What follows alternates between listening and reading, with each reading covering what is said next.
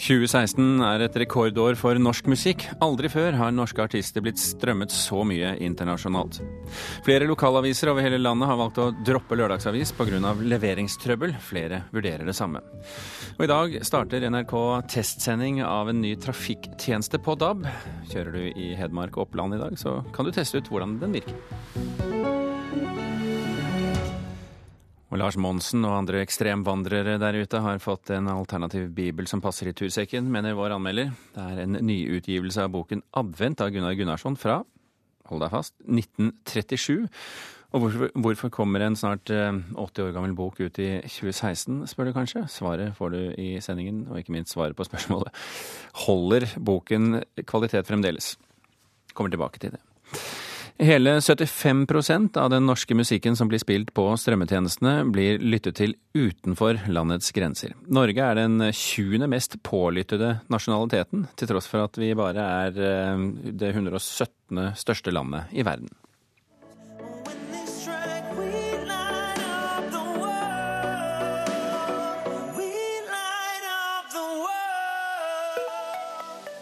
Dette er sannsynligvis kjente toner. Bergensartisten Kygo har alene blitt strømma over én milliard ganger på Spotify så langt i år. Men det er ikke bare han som har hatt suksess i 2016.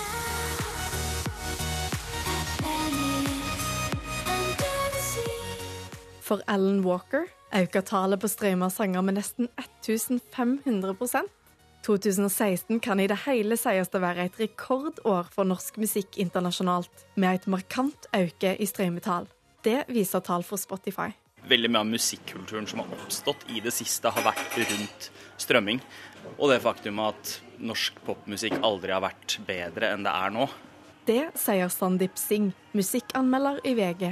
Han tror den internasjonale markedet ser til Norge for et annerledes og særegent sound. Vi har en sånn skandinavisk identitet, da, den sjølige elektronikaen som eh, nesten er litt sånn stereotypisk, men som utlandet bare elsker nå, med Astrid S og Aurora.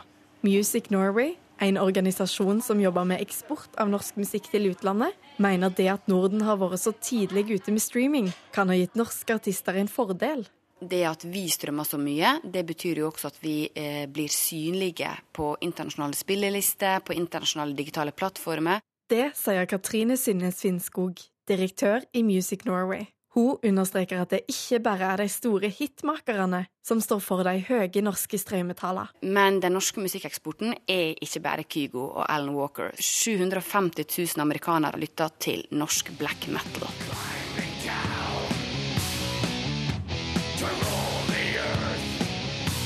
Også den norske jazzen er populær i utlandet.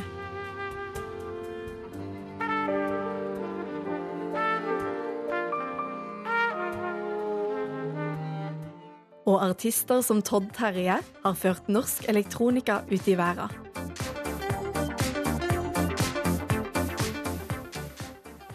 Det har noe med at vi har vært så flinke digitalt, og så er det noe med å gjøre at vi har så gode musikkprodusenter og låtskrivere. Og så har vi hatt et par store kommersielle hits. Så jeg tror kombinasjonen av de faktorene gjør at det er eh, man har lyst til å se til Norge. Bare det siste året har Music Norway opplevd at internasjonale aktører i større grad snuser på hva som foregår her oppe. Det er rett og slett mye, mye mer pågang eh, etter å være med på å få lov til å oppdage norsk musikk også internasjonalt. Anmelder Sandeep Singh mener norske artister og produsenter har en ettertrakta egenskap. Først og fremst så tror jeg at de ser på Norge for eh, melodiene, låtskriverne våre. Han ser også at det norske apparatet rundt artistene har begynt å tenke smartere. Den norske musikkbransjen har rett og slett fått uh, langt mer erfaring på uh, hvordan man skal håndtere norske artister i utlandet. Og Sing tror den norske musikksuksessen kommer til å fortsette. Vi har ikke pika ennå. Jeg tror Kygo og eh, folk som Cashmere Cat bare er eh, starten.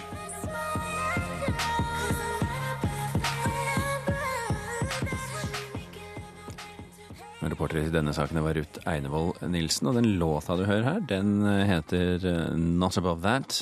Blant annet skrevet av Maja Vik. Og Maja Vik hun sitter i studio her sammen med meg nå, musiker, låtskriver og produsent. Velkommen til Kulturnytt. Takk skal du ha. Hvordan mener du at strømmetjenesten har påvirket norsk eh, musikkbransje? Um, ja, hva skal man si, for min del som artist, så har det i hvert fall påvirka det på den måten at jeg kan fokusere mer på enkeltlåter, da, tenker jeg. Og nå ut til et mye bredere publikum enn hva jeg har gjort tidligere. Hva er fordelen med å fokusere på enkeltlåter? Um, ja, altså jeg liker jo albumformatet òg, men eh, det er jo kanskje det at man uh, Kanskje fallhøyden er litt, litt lavere mm. enn å slippe et full, fullt album med 14 spor og kanskje 13 av de forsvinner. Men man, man, Det er jo mange nostalgikere som, som tenker på albumet som liksom den, eh, den uh, tradisjonelle og den beste måten å gi ut musikk på. Mm. Er du enig i det? Uh, nei, det er jeg ikke enig i. Men uh, altså et album er jo på en måte mye Eller det er jo kanskje en historie mye mer enn på en måte Eller der hører jo på en måte låtene sammen. Så jeg liker jo albumformatet, det gjør jeg absolutt. Men som låtskriver så er det kanskje enklere å fokusere på enkeltlåter og følge kanskje mer tiden da, enn at du skriver et album i løpet av tolv måneder, og så endrer noe seg underveis. Så. Men når du ut til flere folk eh, fordi, nå, fordi du strømmes fra flere steder i verden? Ja, det gjør jeg. Og det handler jo òg om, om, spillelister. Det handler om tilfeldigheter. Du blir plukka opp fordi at du havner på en spilleliste med samme type sjanger. Så hører noen på Chromeo, eksempel, så kan de plutselig høre på meg. Mm. Og da har jo du derav et mye, mye større publikum. Men er det da sånn at noen, noen type artister vinner på uh, det at vi har gått over til strømming i stor grad, mens andre taper? Uh, ja, det kan jo hende. Kan jo hende. Vinner Maja Vik og taper Jan Eggum, liksom? Ja. Nei da. Vet du hva, det, jeg vet ikke hans uh, lyttertall på uh, f.eks. Spotify, da. Men uh, altså, streaming er jo her. Det er jo mm. kommet for å bli. Det er jo, sånn er det jo bare. Er det et generasjonsskifte, er vel egentlig det jeg spør om? Ja, litt altså Det som er dumt, syns jeg, da, er jo at du har denne gratistjenesten. Og det er jo ingenting som kan slå noe som er gratis. Så, så, lenge den finnes, så er det jo veldig dumt for oss musikere og låtskrivere. Ja, der er det, kan jeg bare fortelle de lytterne som ikke driver med strømming, at, eh, at Spotify f.eks. har en gratistjeneste, men da må du høre på reklame. Mm. Eh, og så kan du betale deg unna reklamen, og så kan du bare strømme uten reklame. Stemmer, ja. Men, men, eh, men hvorfor er gratistjenesten dårlig for dere? Nei, det vil jo si at vi ikke tjener så mye penger som man burde Nei. gjøre. Og sammen med Spotify har jo en veldig lav um, du får jo veldig lite per strømming, men totalt sett så blir jo strømma veldig mye, da. Ehm, I motsetning til å kanskje salget, så sånn sett så går det kanskje opp i opp, at det veies opp. Så min inntekt kommer jo stort sett fra strømmetjenestene. Men den, den låta vi hørte nå, 'Not About That', den har du vært med på å skrive mm. uh, og gjort det kjempebra internasjonalt. Tredje beste låten i 2016 ifølge magasinet Time. Mm. Hva er nøkkelen til å skrive strømmevennlig musikk? Gud, har jeg, hadde jeg visst det, så hadde jeg jo kanskje jeg skrevet mye, mye mer. Mm. Uh, så det, det, vet jeg ikke, altså. Jeg tror det kan være òg veldig, veldig mye tilfeldigheter. Altså, jeg tror at så lenge du har et sound der du kommer inn på riktig spillelister De spillelistene har veldig, veldig mye å si. Det kan gå fra 100 avspillinger til uh, hundretusenvis av avspillinger på noen dager. Så kommer du inn på de riktige spillelistene med veldig mange følgere, da så er det suksess? Så kan det være suksess. Maja Vik, takk for at du kom til Kulturnytt, og, og lykke til i jakten på nøkkelen. Takk skal du ha.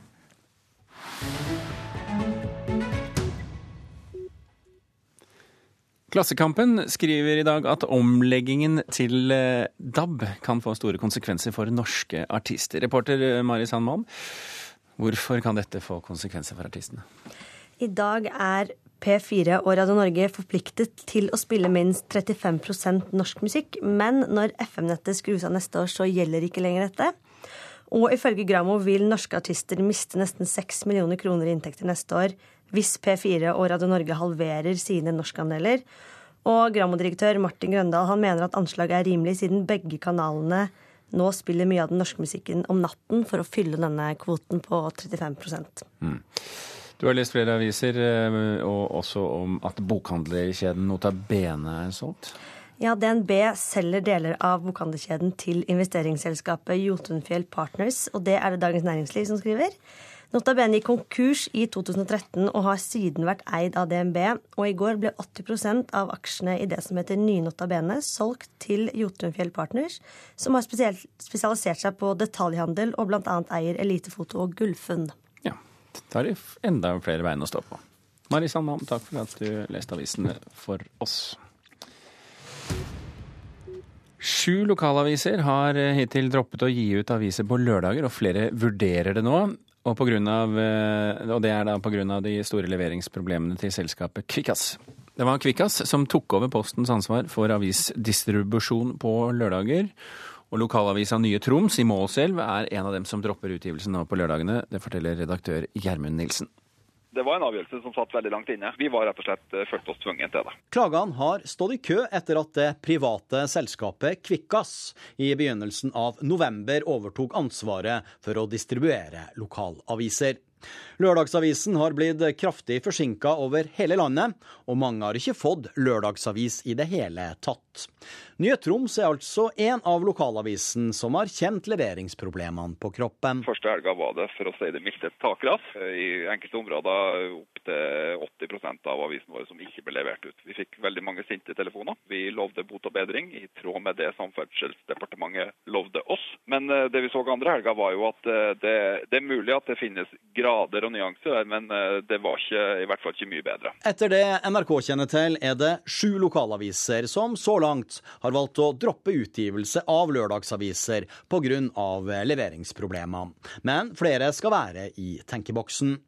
Sør-Varanger Avis i Finnmark har gjort som Nye Troms, forteller redaktør Tor Sandø, som opplevde klagestorm da lørdagsavisa uteble. De første klagene kom allerede i løpet av lørdagen, og til slutt så hadde vi rett og slett ikke noe valg. Følte vi at det her det var noe som eh, det selskapet ikke, ikke rådde over. Så vi gjorde en kjapp intern vurdering, og da, da følte vi at eh, vi ikke hadde noe annet valg enn å flytte lørdagsavisa til fredag. I går havna saken i Stortinget, hvor en samla opposisjon ba samferdselsminister Ketil Solvik-Olsen om å rydde opp i leveringsproblemene.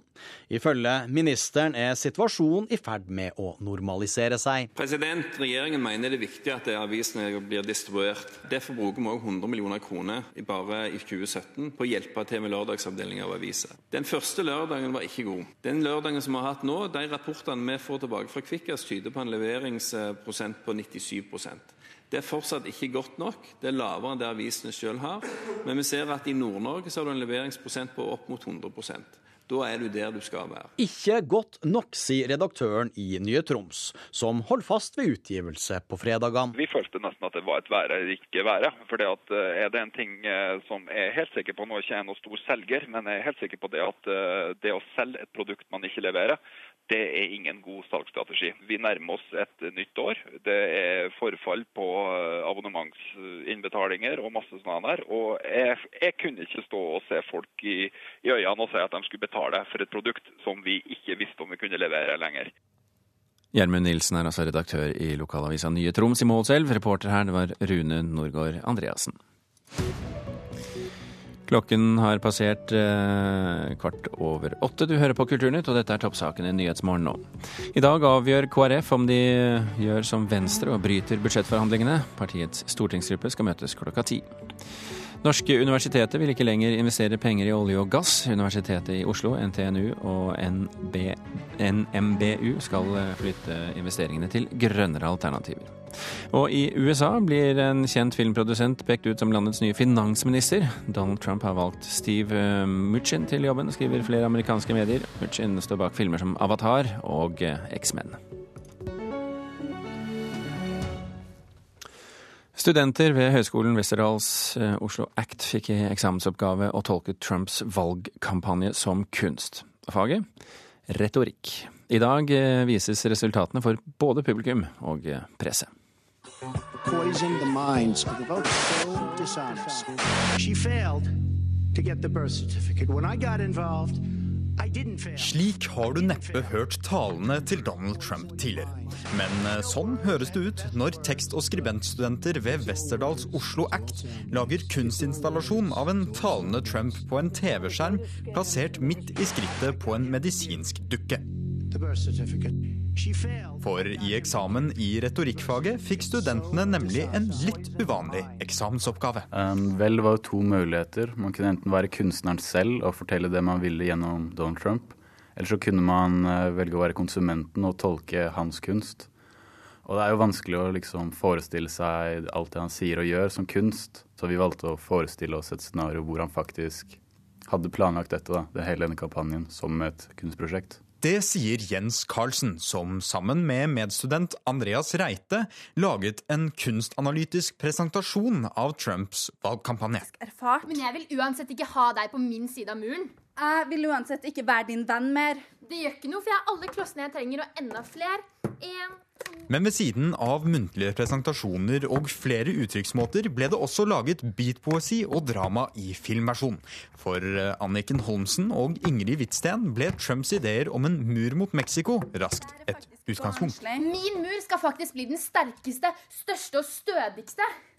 Vi lekte også veldig mye med det med grenser, da, og fant på en måte andre situasjoner i livet der på en måte grenser er på godt og vondt, da, og prøvd å reflektere litt rundt det. Det med mur er, blir lært fra veldig tidlig av, da. Og så får vi også høre om å sette grenser ved egen kropp, og det er alltid det med den grensa. Så det har vi prøvd å utforske, da. Reporter her, det var eh, Brage Berglund. Anne Sofie Bangor, eh, student ved Westerdals, velkommen til Kulturnytt. Takk skal du ha. Hva har du vært med på å lage? Eh, vi bestemte oss for å lage et beatdikt. Eh, og da vi lagde altså vår egen kunst av Trump sin valgkampanje. Eh, det gjorde vi da ved å ta ut alle transkriptene til både han og Hillary, da. Og så hadde vi klippa ut alle hans sitater, eller mange av sitatene hans, og ord og sånn. Og så la vi alle de papirbitene utover et bord. Som vi da stokka ned i flere strofer, og så ble det til slutt et ganske langt dikt. da, Litt sånn samfunnskritisk dikt. Hvordan falt dere ned på den ideen? Det tok faktisk ganske lang tid. fordi vi brukte hele første dagen til å bare sitte og på en måte finne ut av hva vi kunne gjøre. Og så slo da dikt oss som en idé, og da bygde vi videre på det. Og jeg tror det var sånn halv elleve på kvelden ja, at vi hadde sånn Facebook-samtale, og da fant vi ut at beat er ganske kult. Mm. For det kan vi spille litt på også. Nå er jo dette en uvanlig eksamensoppgave for retorikkstudenter, vil jeg tro. Hva tenkte du første gang du fikk eh, oppgaven? Det første jeg tenkte, var liksom sånn her Yes, åpen oppgave. Det her blir jo lett. Og så satte vi oss litt inn i det, og så var det sånn Filler'n! Den feilen har mange. Åpen oppgave. Det var vanskelig. Ratna Elisabeth Kamsvåg, eh, det er du som er ansvarlig for eh, disse oppgavene. Eh, først av alt, Trump som kunst. Hvorfor mener du det er en god eksamensoppgave i faget retorikk? Det er jo fordi at kunst er en uttrykksform som har egenskaper som gjør at det kan sette Eh, saker og ting i perspektiv på en annen måte enn det andre former for saklig debatt eh, makter. Og da vil man på en måte få perspektiv som, og kanskje innsikter som man ellers overser, f.eks. Men, men, en tradisjonell retorikkoppgave vil jo være mer av en analysekarakter. Blir analysen borte i dette prosjektet? Nei, tvert imot. Den, det er jo Eh, alle egentlig prosjekter her fra klassen har jo vært prega av eh, vel så mye bruk, altså tidsbruk da, på analysedelen og gå inn i materialet. Nå er det jo først og fremst valgkampen de eh, skulle se på. Sånn at analysedelen er veldig mye til stede, men man har forvalta det på en annen måte og valgt å kommentere det på en annen måte enn en tradisjonell analyse.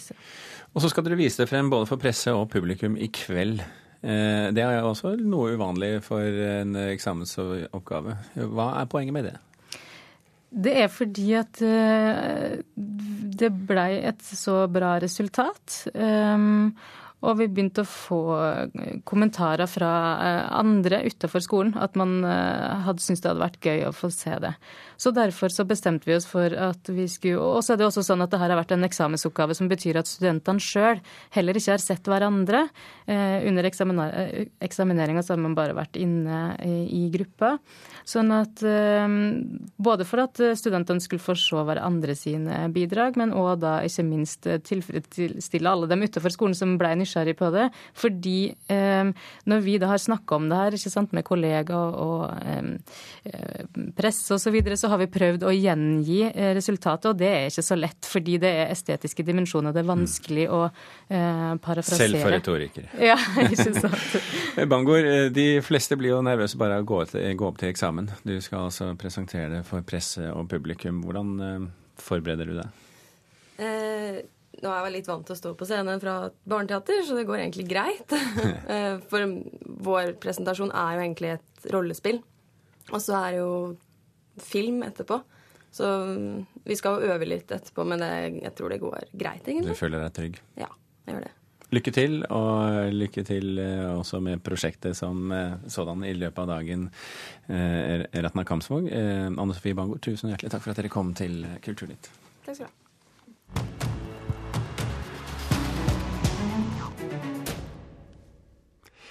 I dag starter NRK testsending av en ny trafikktjeneste på DAB, DAB+. Når radioen blir digital neste år, kommer trafikkmeldinger på en egen kanal i tillegg til P1, forklarer Peter Ingholm Gustavsen i Trafikkredaksjonen. Altså I utgangspunktet så skal vi jo nå videreføre det vi har gjort på FM-båndet til DAB med trafikkmeldinger. Én eh, ting er jo det som eh, leses og brukes i eh, sendingene, både i rikssendingene som Norgesklasse Kveldsåpent, men også da i distriktssendingene. Der er det jo trafikk i programmet. I tillegg så har vi muligheten til å bryte av sendingen, f.eks. på musikk, med de viktigste trafikkmeldingene. Det må vi fortsette med i DAB. Og for å gjøre det, så bruker vi nå en egen kanal, i stedet for at vi tidligere i FM har brutt P1. Det er det jo mange som irriterer seg over, som sitter hjemme og lytter på musikk, og som ikke er i trafikken. Mens de som er ute og kjører, de synes at meldingene ofte kan komme litt sent, fordi man da må vente til det blir musikk, i tilfelle det er et langt innslag som sendes eh, i programmet. Nå får vi da en egen tjeneste hvor vi bryter på en egen eh, frekvens, slik at de som er i bil, kan få meldingene med en gang, mens de som sitter hjemme, ikke trenger å høre det. Og den eh, tjenesten starter vi nå testsending med i Hedmark Oppland i dag. Advent, eller eh, adventus domini som det heter på latin, er tiden når kristne venter på Herrens ankomst. Og for mange av oss er dette en tid fylt av faste ritualer med pynt som skal opp der og ikke der, og ting som skal drikkes og spises osv. Nå foreligger det dessuten en liten bok som heter Advent. Den er eh, nesten 80 år gammel og er skrevet av den islandske forfatteren Gunnar Gunnarsson. Knut Hoem, velkommen i studio. Takk for det. Nei, litteraturkritiker her i NRK. Eh, nye utgaver av bøker fra 1937 er ikke sånn vi opplever i det daglige så ofte. Eh, hvorfor kommer denne, og hvorfor kommer den nå? Nei, det er jo Forlagenes veier er jo uransakelige. Men eh, jeg tror det er en bok, dette er en bok som taler direkte til alle fjellvandrere der ute. Fra Arne Næss via Monica Christensen til Lars Monsen. I en tid der nesten alle aviser har en turside, så er denne midt Eh, i blinken. Og så, så, er det jo altså også noe med timingen her. Altså, det er, den heter jo advent, og hyller egentlig denne årstiden når snøen har lagt seg i fjellet, men ikke lagt seg nok til at man kan gå på ski oppover. Man er nødt til å bare gå med skien i, i nevene og traske av gårde. Mm.